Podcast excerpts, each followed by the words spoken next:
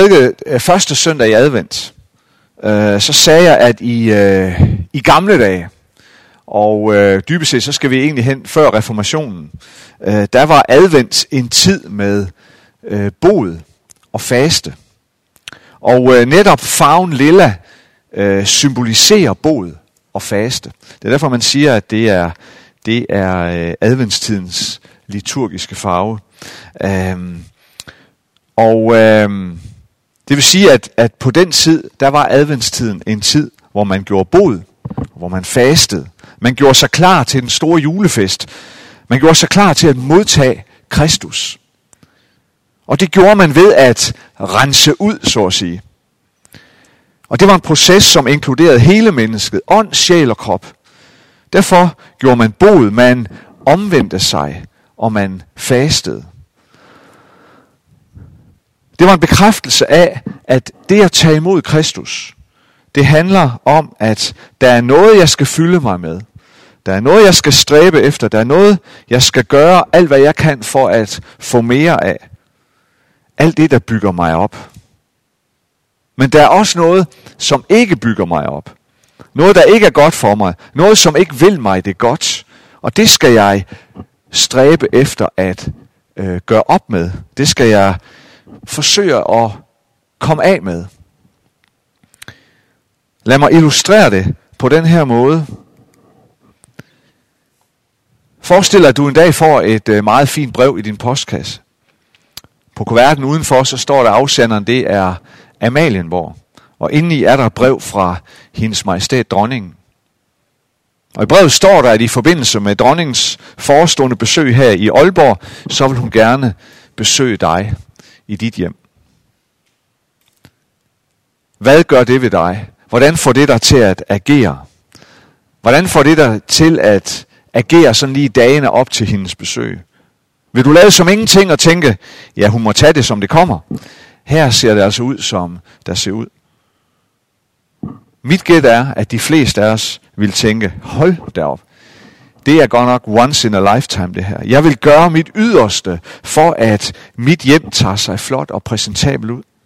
Det er dronningen, jeg skal tage imod. Jeg vil vise hende det bedste. Jeg må hellere komme i gang med sæbevand og støvklud, støvsuger, hvad ved jeg. På en måde så illustrerer det den her oprindelige bods og faste tanke med adventstiden.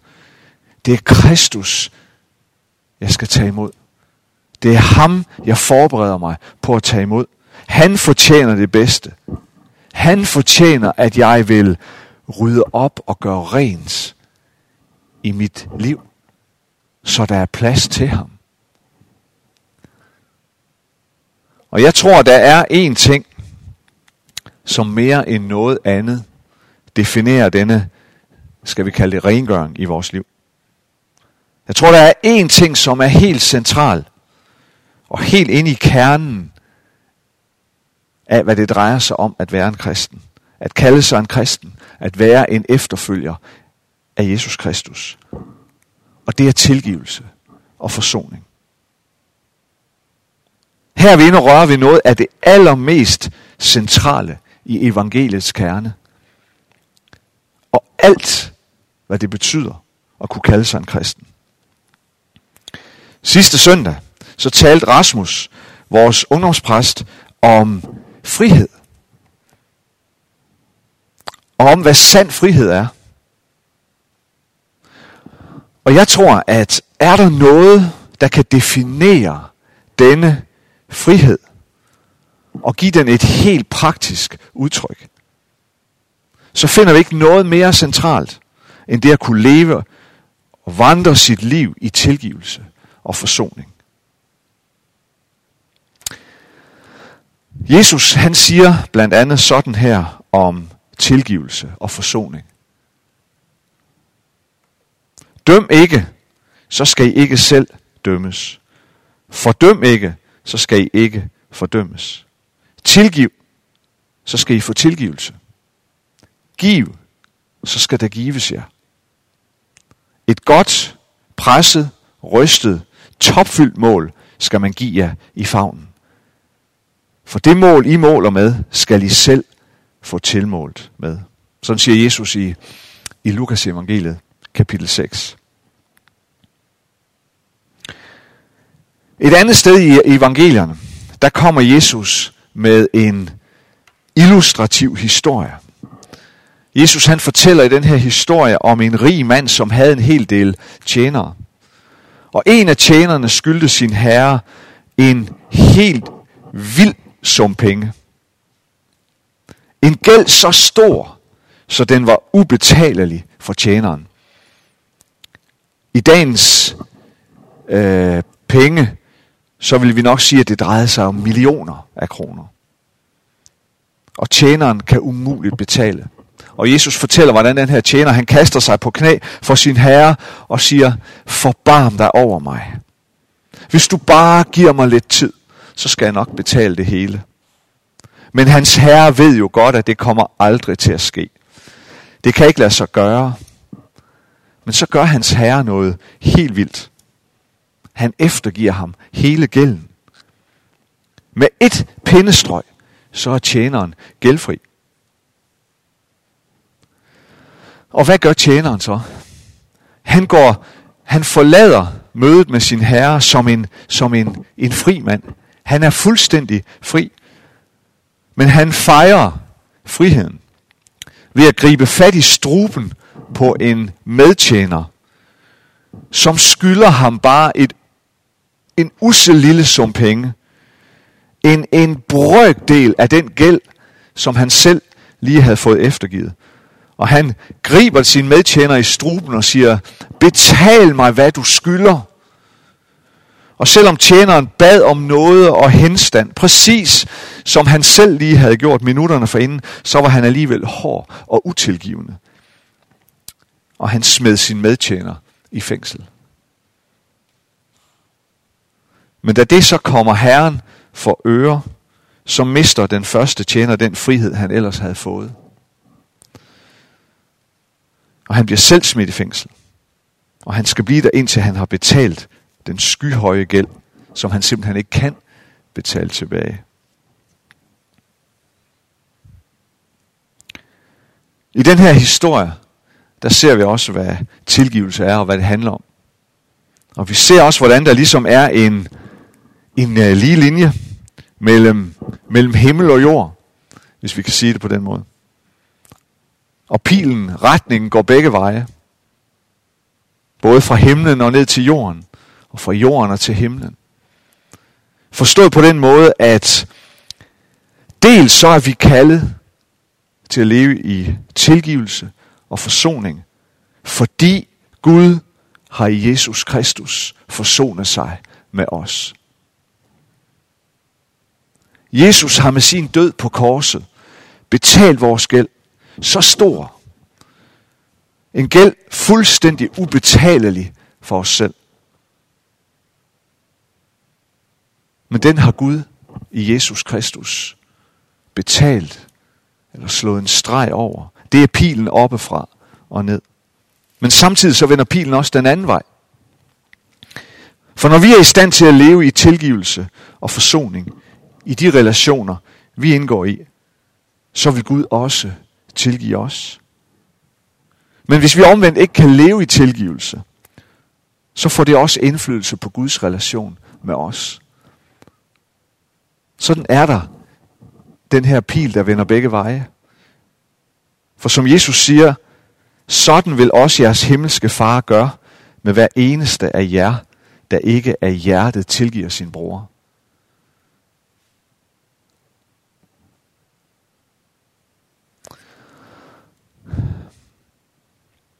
Hvis jeg har ret i det her med at kunne leve i relationer, gennemsyret af tilgivelse og forsoning, det vil sige både at kunne give tilgivelse og selv bede om at måtte få tilgivelse. Hvis jeg har ret i, at det er noget af det allermest centrale i evangeliets forkyndelse, og noget af det allermest definerende for os som kristne,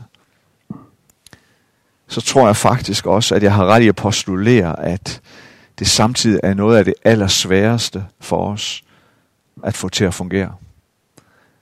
At det er noget af det allersværeste for os, for rigtig mange af os.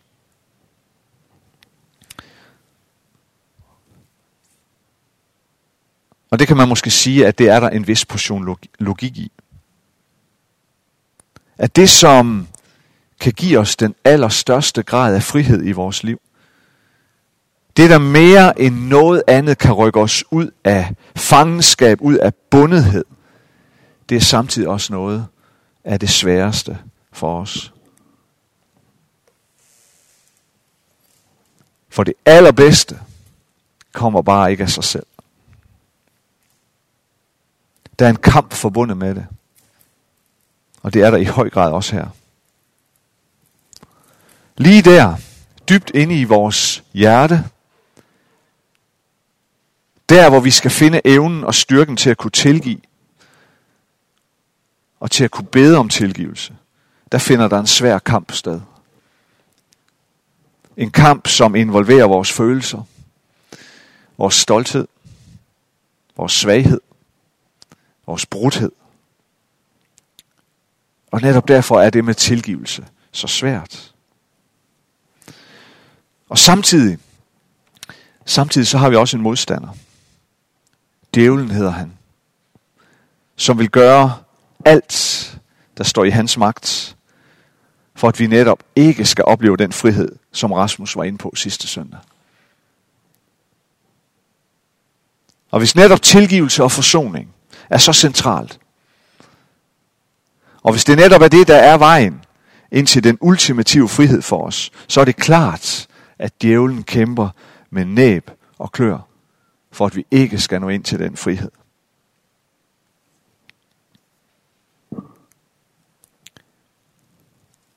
Og jeg tror, at djævlen har en taktik. En del af hans taktik, tror jeg, det er, at han vil hjælpe mig med at bygge en fortælling op.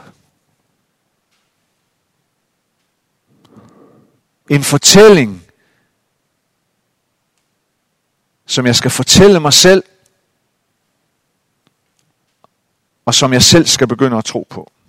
En fortælling, som skal overbevise mig om, at det eneste virkelige offer i den uforsonlige relation, det er mig. Jeg er offeret. Og derfor er det helt i orden ikke at tilgive. Jeg har retten. Jeg har retten på min side. Jeg har mit på det tørre. Jeg er blevet uretfærdigt behandlet, eller hvad der nu er sket. Og derfor er det helt okay ikke at bede om tilgivelse. Eller derfor er det helt okay ikke at tilgive af hjertet den, som beder mig om det. En sådan fortælling elsker djævlen at bygge op ind i dig. Og han er desværre ret god til det. Men det er aldrig evangeliets vej. Det er aldrig Guds vej. Guds vej er aldrig at bygge en fortælling op, som skal få dig til at tro, at det er okay ikke at tilgive. Guds vej er altid at lede os gennem tilgivelse og forsoning i alle de relationer, vi indgår i. Hvis du er en kristen, så betyder det også, at du har sagt til Jesus, og bliver ved med at sige til Jesus, Jesus, jeg vil følge efter dig. Og det indebærer, når vi har sagt det, så indebærer det jo helt konkret, at vi må følge efter Jesus der, hvor han går. Og har du sagt sådan til Jesus, så kan du være sikker på, at så vil han gå foran dig. Så vil han lede dig. Så vil han sige til dig, godt så, følg efter mig. Stil dig bag ved mig, og følg efter mig der, hvor jeg går. Har du sagt sådan til Jesus, så kan du være sikker på, at så vil han føre dig lige hen til de relationer, hvor der måske er uforsonlighed. Så vil han lede dig lige derhen, hvor der måske er en utilgivet, utilgiven situation mellem dig og et andet menneske. Og hvis du så protesterer, for det kan vi nok imellem have lyst til. Ej Jesus, der synes jeg ikke, vi skal gå hen så tror jeg, vi kan være rimelig sikre på, at Jesus svar er, jamen, sagde du ikke, at du vil følge efter mig? Er der en uforsonet, en utilgivet relation i dit liv, så kan du være sikker på, at Jesus altid vil gå foran dig og lede dig lige derhen. For Guds vej er altid forsoningens vej. Evangeliet har ikke givet os nogen anden vej. Og evangeliet kommer ikke til at give os nogen anden vej end forsoningens og tilgivelsens vej.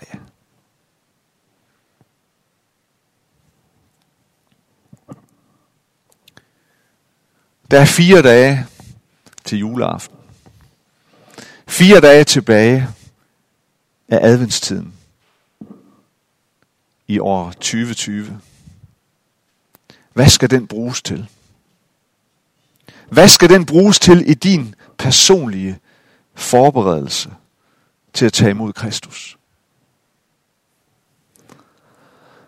Er der nogen, du skal bede om tilgivelse?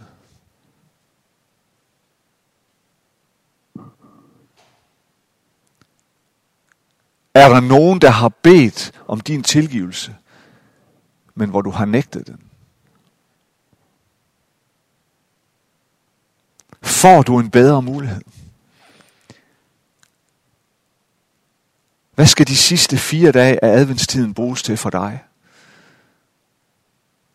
Hvad skal de bruges til for mig? Er det ikke en fantastisk mulighed til at sige, Jesus, jeg vil tage imod dig. Hjælp mig til at rense ud i mit liv. Hjælp mig til at få uforsonlighed, manglende tilgivelse ud af mit liv, så jeg kan tage imod dig.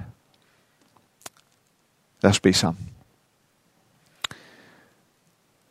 Almægtig Gud og himmelske Far, tak at du i Jesus Kristus har forsonet dig med os. Du har betalt den ubetalelige gæld.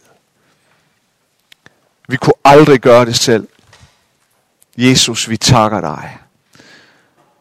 Og Jesus, vi glæder os til i julens evangelium og i julens handlinger at tage imod dig.